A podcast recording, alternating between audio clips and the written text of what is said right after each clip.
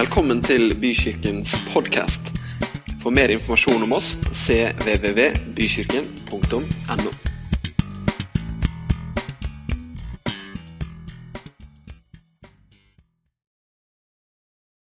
så er det en eh, glede for meg å få introdusere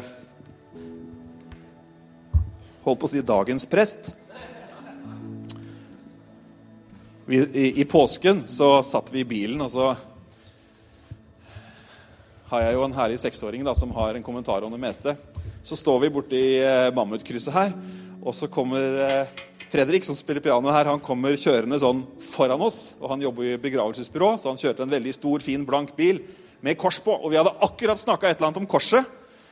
Det gjør vi jo i påsken, ikke sant? Og så sier Philip, 'Se der, pappa. Den bilen har kors. Det er en prestebil. Sånn burde du få deg.' Om jeg vil kjøre rundt i en sånn med et hvitt kors, det vet jeg ikke, men bilen ellers var veldig grei. Ok, dere, eh, Dagens prest, da, det var sånn vi kom inn på dette.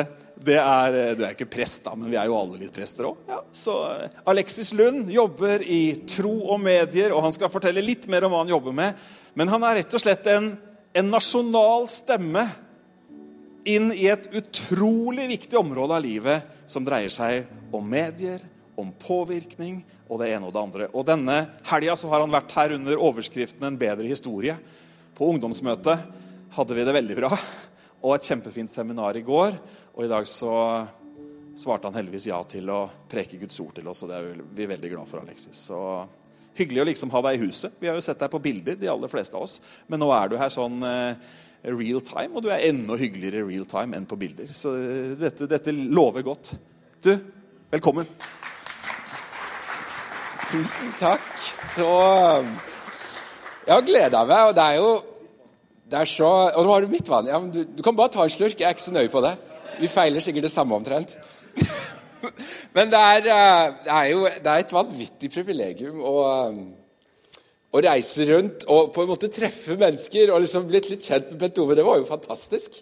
Uh, altså Det var veldig, veldig kjekt. og Bestefaren min var prest, og det sitter jo venner av han bak her. og Det var jo utrolig artig. og Jeg treffer liksom Ottar og Aina, som er liksom sånne gamle familievenner. Og jeg traff på Frank, som på en måte var PBU-leder når jeg var um, helt fersk ungdomsleder og hadde ikke peiling på noen ting av disse her greiene. Og tenkte nå tar jeg sats og ringer, ringer til Frank Nyfelt. Men, men det, er liksom, det, er, så utrolig fantastisk å få lov å, å komme rundt i, uh, i Kirke-Norge og, å treffe brødre og søstre. Eh, treffe mennesker som jeg veit gjerne følger med på ting vi leser, eller ting som vi gjør i, i tro og medier. Eller liksom være en del av, eh, av landskapet. Jeg heter Alexis Lund, og hvis dere skal få opp glansbildet av meg, så ser, så ser Facebooken min omtrent sånn ut. Og, eh, og, Det er litt sånn eh, Det er jo det er på en måte glansbildet en får opp eh, der. Altså Det er liksom Der får en fram det, den historien som kanskje jeg av og til vil fortelle, eller den ytringen som jeg eventuelt vil mene, eller fortelle, vise bilder av den flotte familien min. Og det er liksom, Nå brukte jeg Facebook i dag, for jeg veit at liksom det alderstrinnet her vil omtrent være Facebook. men er, jeg ser det sitter noen unge her òg, og da måtte jeg vært på Twitch eller Discord eller Snapchat eller noe annet. liksom. Og, eh, men eh, så jobber jeg i en organisasjon som, eh, som heter Tro og Medier. Og, og den, den, ser sånn ut. Og i Tro og Medier så har vi jo på en måte Det er en liten sånn plattform hvor vi ønsker å bringe fram både godhet, sannhet og tro i mediene. Og midt i dette her landskapet da, hvor, hvor jeg jobber, så, så leder jeg også et annet arbeid i Tro og Medier som heter Helt fri. Som òg er et, et, annet nettsted hvor vi eh, har etablert et, eh, en satsing hvor vi skal jobbe inn mot eh, seksualitet, vi skal jobbe inn, inn, mot påvirkning. Og først og fremst så var utgangspunktet vårt at vi ønskte å ta tak i dette som handler om pornografi. Fordi at eh, jeg møter så utrolig mange ungdommer. Jeg møter en 8000-10 000 ungdommer i året rundt omkring i ulike settinger. Og um, jeg har utrolig mange samtaler og um, ser jo på en måte tendensene i samfunnet vårt. Hvordan det seksualiseres, og pornografi er liksom en av de tingene som, uh, virkelig gjør noe og setter ting i bevegelse på en veldig negativ måte. Så det, det jobber vi med. Eh, veldig, veldig på i forhold til det. Og så leder jeg òg et annet arbeid som heter Gutt og jente. Som jo er et, eh, et nettsted som ligner kanskje litt på ung.no, bare at det er helt andre enden av skalaen i forhold til hvilke svar en vil få. Fordi at eh, unge har spørsmål. De lurer på ting. Jeg lurte på ting. Jeg lurer enda på ting. Men jeg lurte enda mer på ting da jeg var yngre. Og, eh, og inn i dette nettstedet da, så har vi bygget en plattform hvor eh, en da får svar ut ifra et, eh, et kristent verdisyn som er i veldig kontrast da, i forhold til dette som gjerne handler om kjønn, som er kanskje en av de tingene som, som virkelig ligger oppe i, for grabs i dag. Eh, eller samliv, som på en måte òg ligger oppe for grabs. Og det er klart Vi i frikirkemiljøer er neste, neste, i køen i forhold til de store debattene og hvordan skal vi håndtere dette. Men, eh, og Dette er på en måte den plattformen, dette er det landskapet som jeg jobber i. og det er, det er, Derfor er det så utrolig spennende når jeg på en måte får komme plasser som, sånn som dette, hvor dere gjør en skikkelig satsing, hvor dere tar liksom fredagskveld med ungdommene og, og, på en måte få prate med de og sammen med de og være sammen med de. Eh, og så har vi lørdag og har et seminar hvor en går litt i dybden på dette. Og det er, det er rett ifra hoften kommunikasjon. Det er ikke, det er ikke, vi pakker det ikke inn i forhold til hvordan denne verden ser ut. Og så lander vi her i dag, og i dag blir det en litt annen, eh, en annen vinkling. Fordi at eh, hva er, hva er på en måte ankerfestet ditt? Hva er, hva er ankerfestet mitt? Og um, som du, Bente Ove, gjorde nå egentlig så nydelig i forhold til liksom å sette liksom hjertet litt i fokus. For vi har mye ting som forstyrrer oss. Vi har veldig, veldig mange ting som forstyrrer oss. Om det er relasjonelle ting, om det er personlige ting, om det er ting som handler om, om tanker eller påvirkning, eller hva det nå er, så er dette ting som på en måte stadig kommer inn i uh, mennesket og ting som kan være da òg i konflikt med, med gudsrelasjonen. Og Da er det både nødvendig og godt å på en måte få en sånn fokus på ta, Legg hånda på hjertet ditt. Hva, hva er det der? Eh, er det noe der du trenger å løfte opp til Gud? Er det noe der som på en måte en dør som må åpnes? Kanskje mange dører som må åpnes så er det på en måte en sånn nødvendighet. Og det er klart, i mitt liv og i mitt jobb og mitt arbeid så snakket jeg og delte åpenhjertig om, om, både kjærlighet og kjærlighet som lever i sannhet. At det er en av egenskapene. Dette er nødvendig i det landskapet som jeg jobber i. Men hei, det er nødvendig i den verden som du òg lever i. For vi lever i en vanskelig verden som på en måte utfordrer oss på så mange områder. Men uh, jeg har lyst til å dele, til å dele litt med dere forankringen eh, i forhold til hvorfor eh, jeg kjenner på en stor frimodighet. Eh, og jo mer jeg jobber med tematikken pornografi eller seksualitet eller påvirkning, ja, jo mer frimodig blir jeg i forhold til min kristne tro. Eh, fordi at du skjønner det, jeg er overbevist om, og jeg er hellig overbevist om, at vi som kristne har en bedre historie. Vi har en bedre historie å fortelle. Uansett hvor vi er, så har vi noe bedre å formidle. Vi har en bedre historie å kunne dele rikt av. Honey Riders-gjengen som reiser rundt på alle disse treffene. Og det er sikkert mye galskap på disse treffene. Og de står i disse her teltene og deler ut kaffe. Får dere lov å dele ut boller? Det får ikke skolen. Det, er, det har skolelaget fått nei på. Men, og kristenrussen fikk nei på det i Kongeparken, vet jeg. Men det er klart, de er ute og formidler en bedre historie. Altså, De gir noe. De deler av noe som på en måte kommer langt innenfra. Og langt tilbake, før de var født.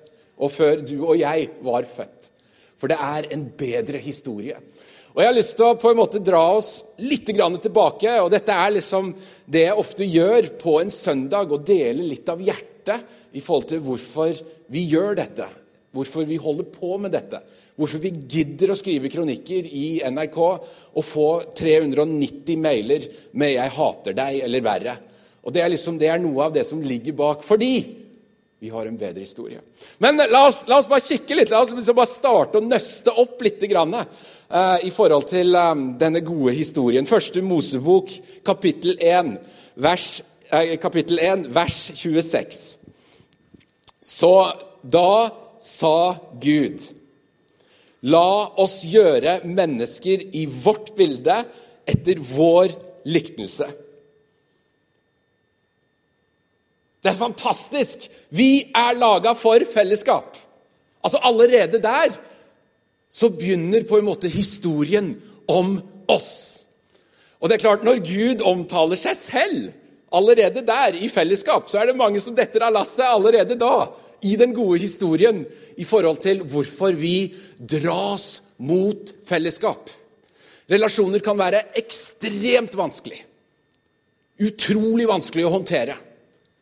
Men det er noe i mennesket som gjør at vi er laga for fellesskap. For Gud omtaler seg selv i flertall allerede der. Og la oss på en måte bare kikke bare helt raskt på Og jeg liker å spole litt sånn fram og tilbake.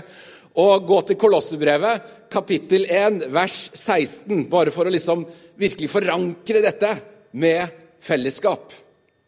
For allerede der er det fellesskap. Og der står det i kapittel, 16, nei, eh, kapittel 1, vers 16. For i ham er alt blitt skapt, i himmelen og på jorden, det synlige og det usynlige. Enten det er troner eller herredømmer eller makter eller myndigheter. Alt er skapt ved ham og til ham. Det var der i skapelsen, i denne historien, som handler om hva er godt for oss. Hva er godt for oss som mennesker? Og eh, det er liksom en av ankerfestene i forhold til eh, den gode historien. Fellesskap. Det er fellesskap. Til, vi, kan, vi, kan, bruke lang tid på å på en måte finne disse ulike elementene som er liksom forankring, men jeg har lyst til å trekke fram ett til. Eh, og det, det står i Johannes 17, som jo er Jesus sin avskjedstale. Um, vers 24. Far, jeg vil at, at de som du har gitt meg, skal være hos meg, der jeg er, for at de skal se min herlighet, som du har gitt meg.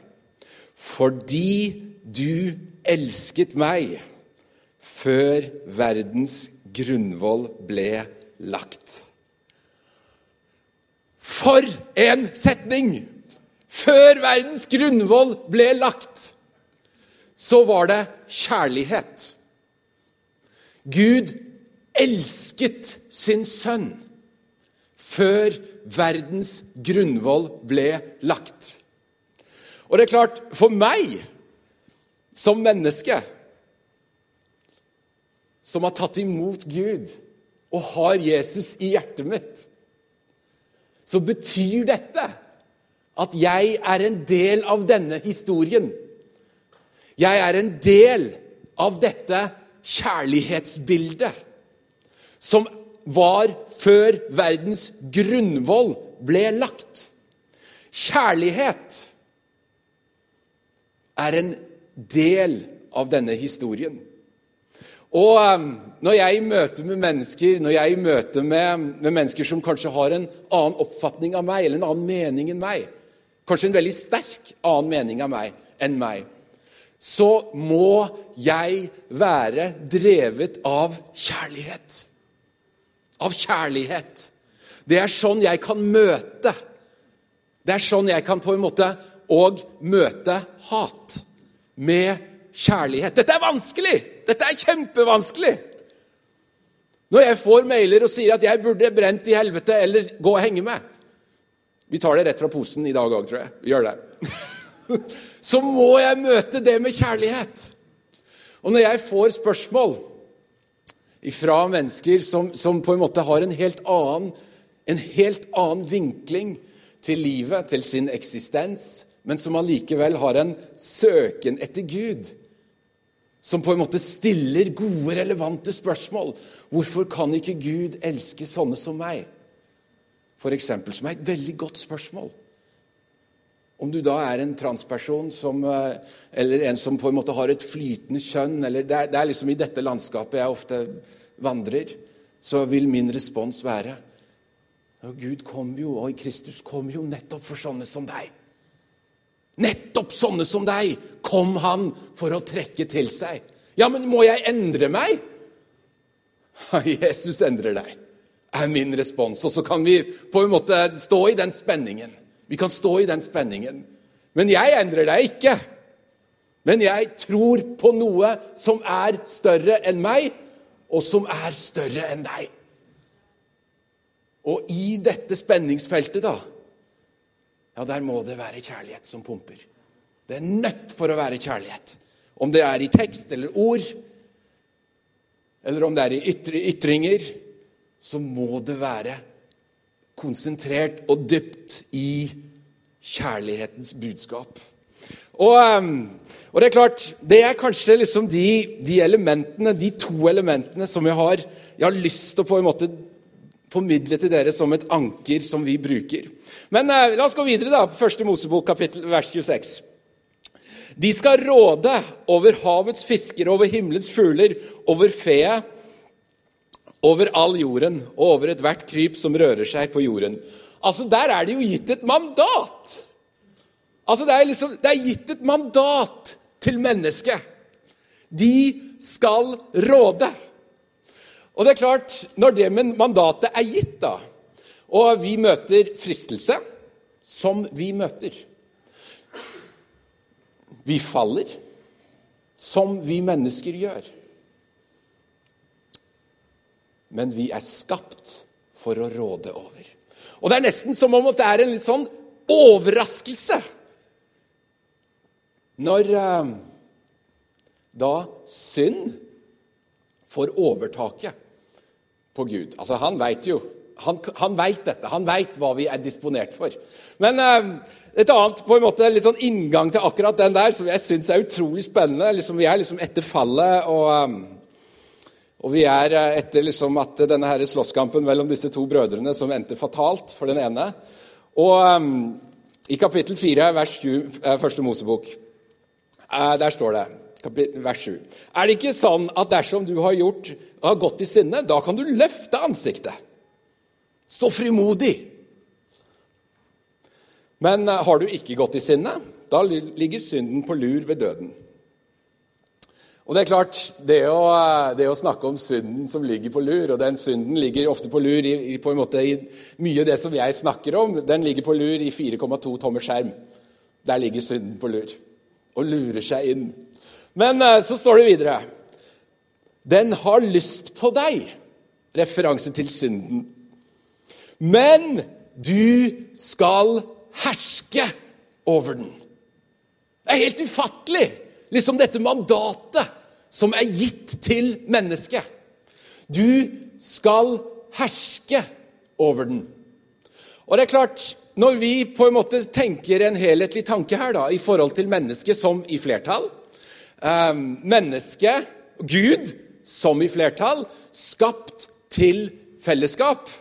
Så kunne vi dratt en lang linje, men det er ikke der vi skal nå, men vi kunne dra den lang linje inn i dette rommet.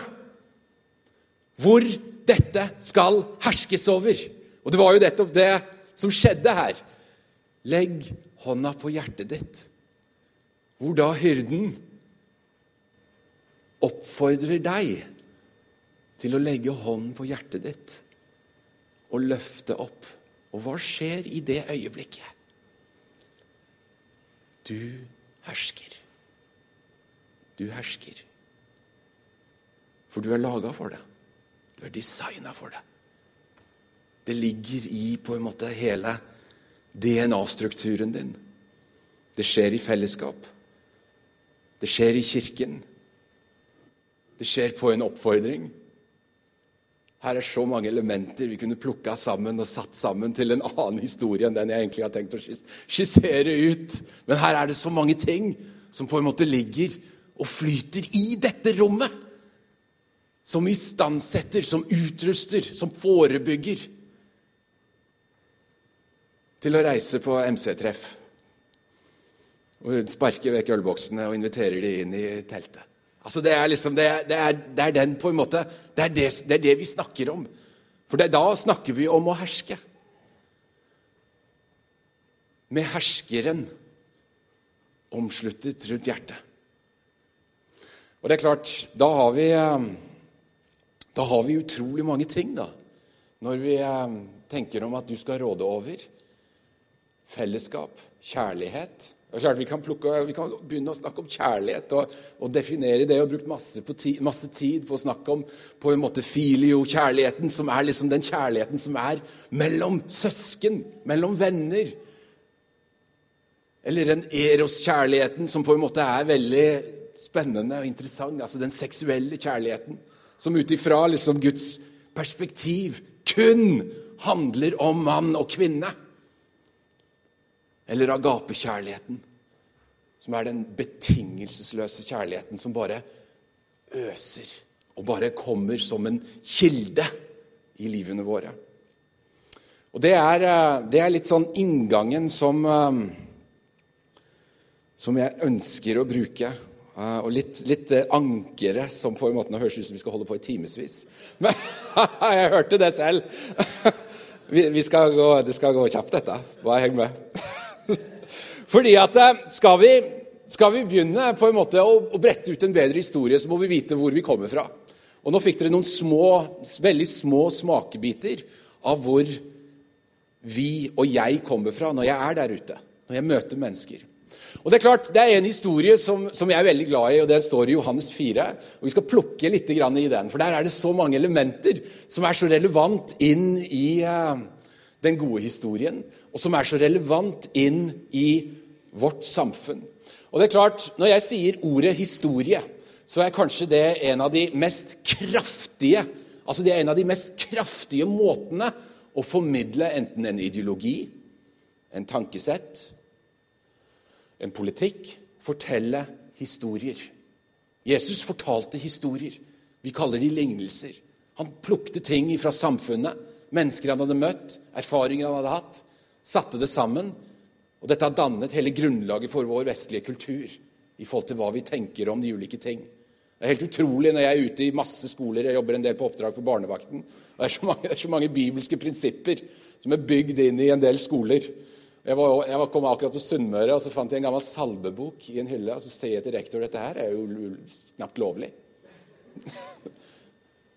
Jeg skal ikke herme til sunnmørsdialekten, for det, den er for fin til det. Nei, men vi kan ikke hive ut sjela vår, sier han med en litt sånn bestemt tone. Vi snakket ikke mer om det, men jeg oppfattet han som en kristen. vi kan ikke hive ut sjela vår. Vår Gud, han er så fast en borg, var denne salmen jeg slo opp i denne sangboken. Johannes 4 starter jo eh, Den starter jo med noe helt formidabelt. Helt formidabelt fordi at eh, Jesus han skulle til Judea og han skulle til Galilea, og så av en eller annen grunn da, så velger han å gå en omvei. Og det, det, står ganske så Det står ganske så godt beskrevet i Johannes 4, vers 4. Han måtte da reise gjennom Samaria. Hva var det som gjorde at han måtte det? For han måtte ikke det. Det var en snarere vei å gå. Han var drevet av noe. Han var drevet av noe når han måtte reise gjennom Samaria. Og ut ifra hva jeg tror og tolker og leser, ja, så var han drevet av kjærlighet. Han var drevet av kjærlighet. Og det er klart, når vi leser videre Johannes og Johannes evangeliet og får bretta ut fellesskapet mellom Faderen og Sønnen, ja, så tenker jeg det var en eh, samtale rundt denne dagen hvor Jesus våkner opp om morgenen, og Faderen sier, 'I dag, sønn, skal du treffe henne.' Og sønnen kan ha respondert, 'Ja, far, det skal jeg. Det veit jeg.' Og i dag, sønn, skal du proklamere. Ja, far. Det må, en, det må ha vært en samtale her om hva som skulle foregå. For de hadde en samtale gående hele tiden. Men eh, det er nå sånn da, at han eh, bestemmer seg for å eh, dra og gå gjennom Samaria. Han går gjennom en by som heter Sykar. Og der var han trøtt. Og han satte seg ved brønnen. Hvorfor løper vi så fort da når Jesus har tid? Han var trøtt, da han satte seg ned. For meg så er det Det taler rett inn i mitt liv. Jeg har enorm hastighet. Altså det, Jeg har vært en uke på veien nå. Jesus var trøtt. Han setter seg ned. Og der sitter han og venter. Det taler til oss som enkeltpersoner, og det taler til oss som kirke i forhold til hastigheten. For han venter på noe viktig. Altså, han, han har noe viktig å vente på. Og um, ofte i mitt liv, og ofte etter gjerne ungdomsmøter eller seminarer eller hva det er, ja, så er det jo kanskje det viktigste som er, da. Og jeg har hatt veldig mange sånne viktige øyeblikk.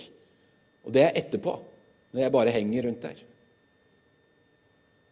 Og jeg tenker av og til gikk jeg glipp av noen viktige øyeblikk. Fordi at jeg hadde det så travelt. Og i mitt liv så må jeg nok erkjenne at ja, jeg gjør nok det. Jeg går nok glipp av noen viktige øyeblikk fordi at hastigheten er for høy. Jesus satte seg ned, han, og venta. Det er forbilledlig. Ok, og Da kommer det en kvinne fra Samaria for å dra opp vann, og Jesus sier til henne, 'Gi meg drikke'. Det er frimodighet. Han går rett på. 'Gi meg drikke'. Og det er klart, hvilke innganger jeg eller du eller Kirken velger i forhold til hvordan vi møter mennesker det er klart, Vi snakket jo om det kvarteret som er ute i gangen her. Altså, Det er en bevisst tanke med det. Og Jeg liker det kjempegodt, fordi at det er en åpen dør. Terskelen blir lavere.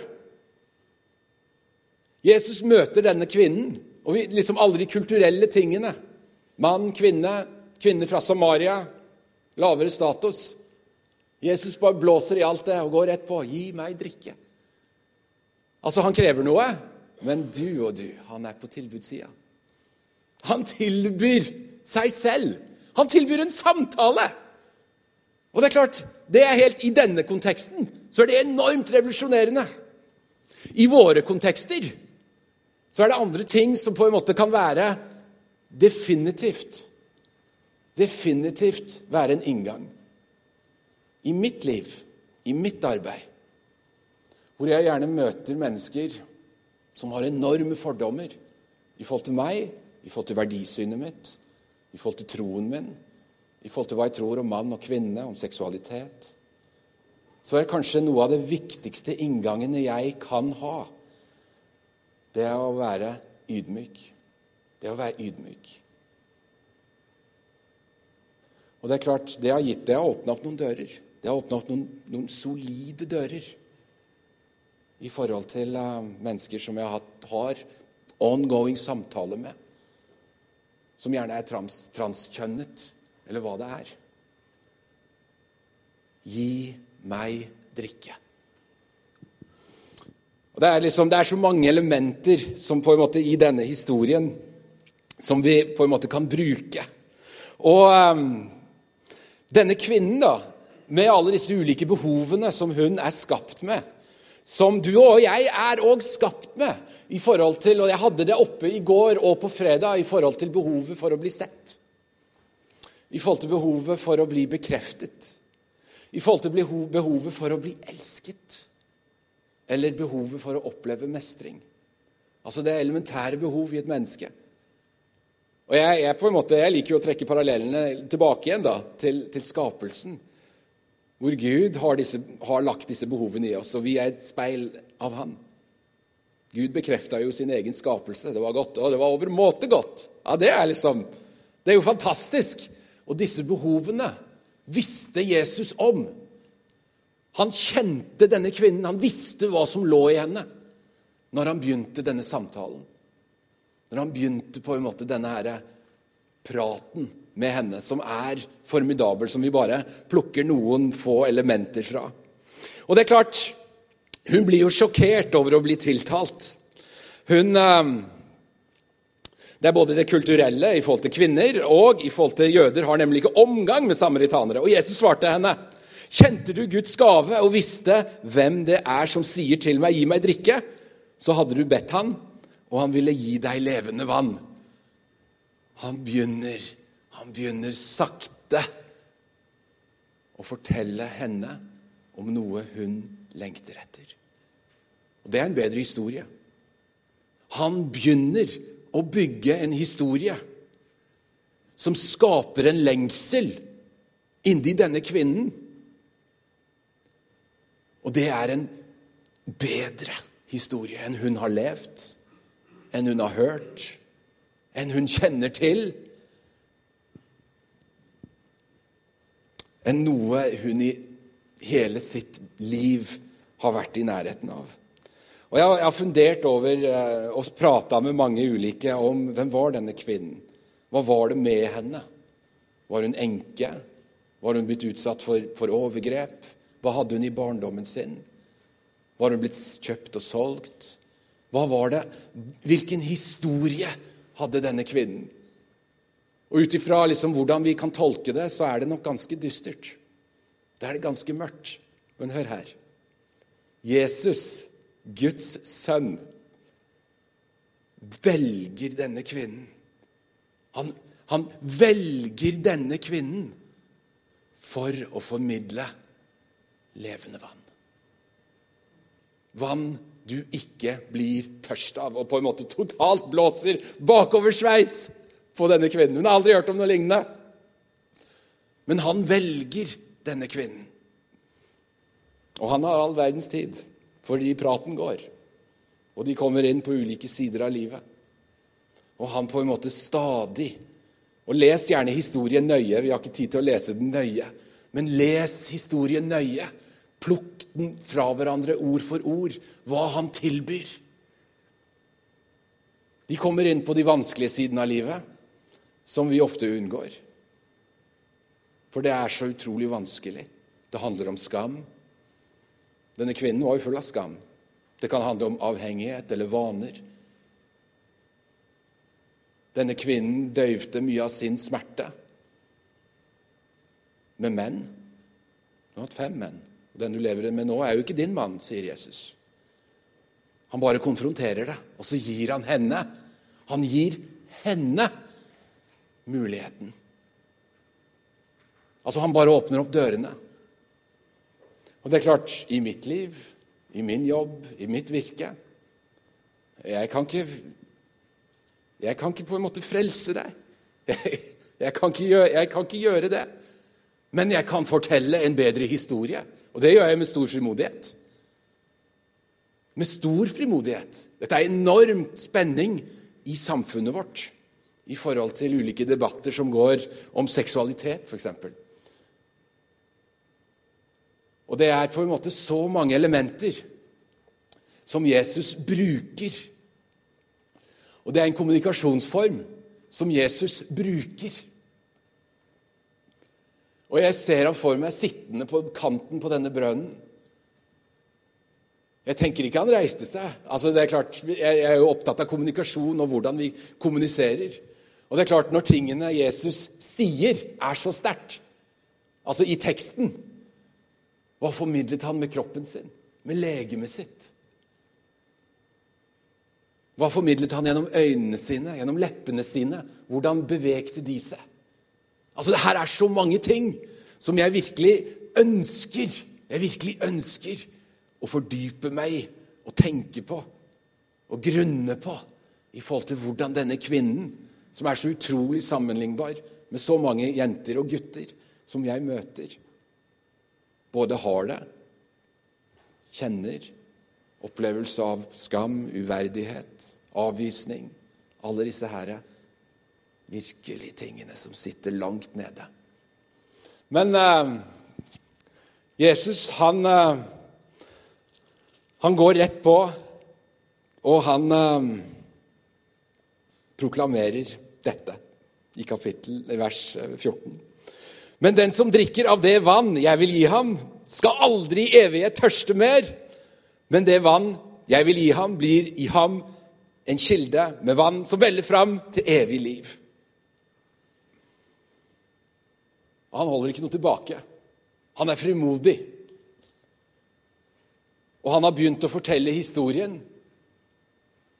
Han har toucha borti lengslene hos denne kvinnen, som uttaler da Herre, gi meg dette vannet, så jeg slipper å tørste og gå hit og dra opp vann. Og jeg syns den setningen jeg synes det er så utrolig fascinerende. For han snakker ut fra en verden som er åndelig, mens hun hele tiden står der med bøtta si. Og det illustrerer, det illustrerer meg så godt i mange ulike måter. Altså, Hun skjønner ikke hva han sier, men hun er i ferd med å åpne opp sin ånd. Hun er i ferd med å bli født på ny. Hun er i ferd med å forstå. Og hennes ånd tenker jeg ligger der som en tikkende bombe. Og jeg prøver å se det, for jeg er veldig visuell, og jeg bare ser for meg denne her klumpen inni henne. Som er lagt der, men som ligger død som en ballong. Nei, en ballong uten luft blir det. Omvendt. Som er i ferd med å Oi, her kommer det noe annet. Her kommer det noe annet. Og um, vi veit jo, vi kjenner jo historien. Det kommer noe annet. Hun løper inn til byen. Hun blir satt i frihet. Jesus blir der to netter, og det kommer flere folk ut, for de har hørt dette. Men uh, det er noen sentrale ting da, som vi skal liksom lande i.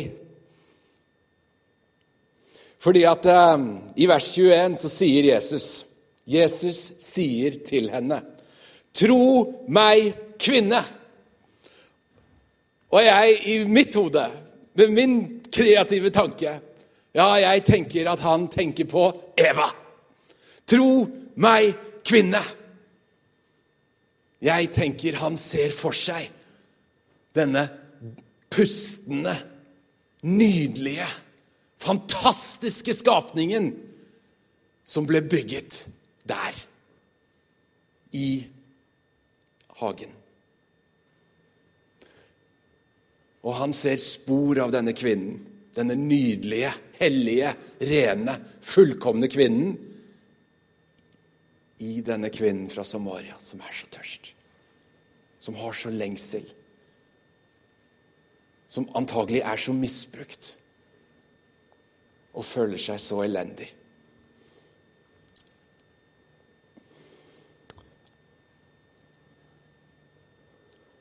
Men den time kommer og er nå, da de sanne tilbedere skal tilbe Faderen i ånd og sannhet.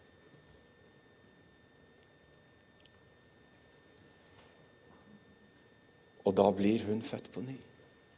Hun tar imot. Hennes ånd blir åpnet opp. Og um, i mine situasjoner, eller i dine situasjoner. Han som ble frelst på eh, det forrige i, i teltet. Der var det ånd og sannhet. Og så skjer det noe. Det skjer noe fantastisk som er utenfor, som er større. Hvor Gud kommer inn og gjenoppretter. Og gjenoppretter og istandsetter og utruster. Og det er klart, det er en god historie. Det er en nydelig historie. Og jeg har så lyst til å bare oppfordre dere til å fortsette å gjøre som dere gjør. Og Vi har hatt prata om så mange gøye ting og tanker. og Vi har snakket om ungdomsmiljø, og jeg er jo aktiv som frivillig hjemme i ungdomsmiljøet mitt i Tabernakelet Haugesund. Ånd og sannhet. Vi er ånd, sjel og legeme.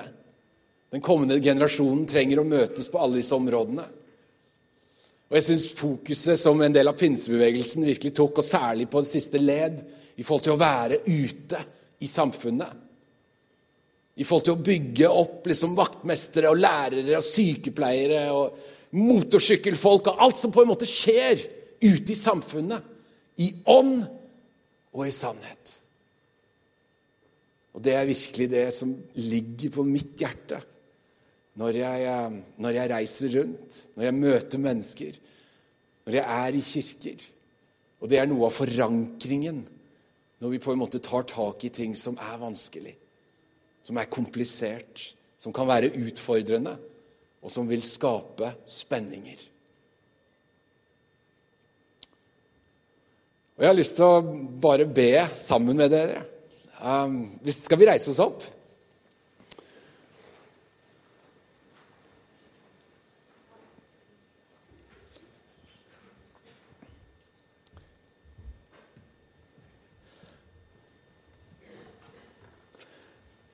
Og det å legge, legge hånda si på hjertet, det er en fantastisk ting. Det er på en måte For der eh, da, da slutter det en sirkel. Og um, jeg har lyst til å bare be om frimodighet for dere. Takk, far, for din uh, hellighet. Takk for din storhet. Takk, far, for at uh, du har en plass på denne jorden. I dette landet og i denne byen.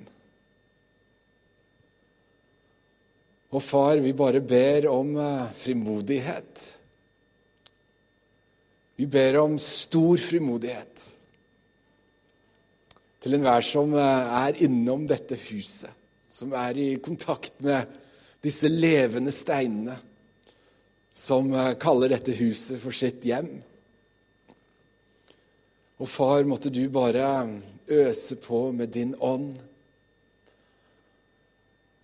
og din sannhet over hele, hele kirken her. Over barnearbeidet og over ungdomsarbeidet. Måtte du bare inspirere ledere til å være ånd og sannhet. Til å løfte fram ditt ord, din hellighet. Til å løfte fram hva er godt for mennesket. Far, til å gi måter å kommunisere på og gi ord som gjør at dette treffer de innerste rommene inni den kommende generasjonen som så sårt lengter etter ånd og sannhet. Måtte du inspirere de voksne, de eldre, til å ligge på kne og bare løfte opp navn og enkeltnavn, enkeltpersoner og familier barn. Og bare overøse. Bare overøse med kjærlighet. I ånd og sannhet. Amen.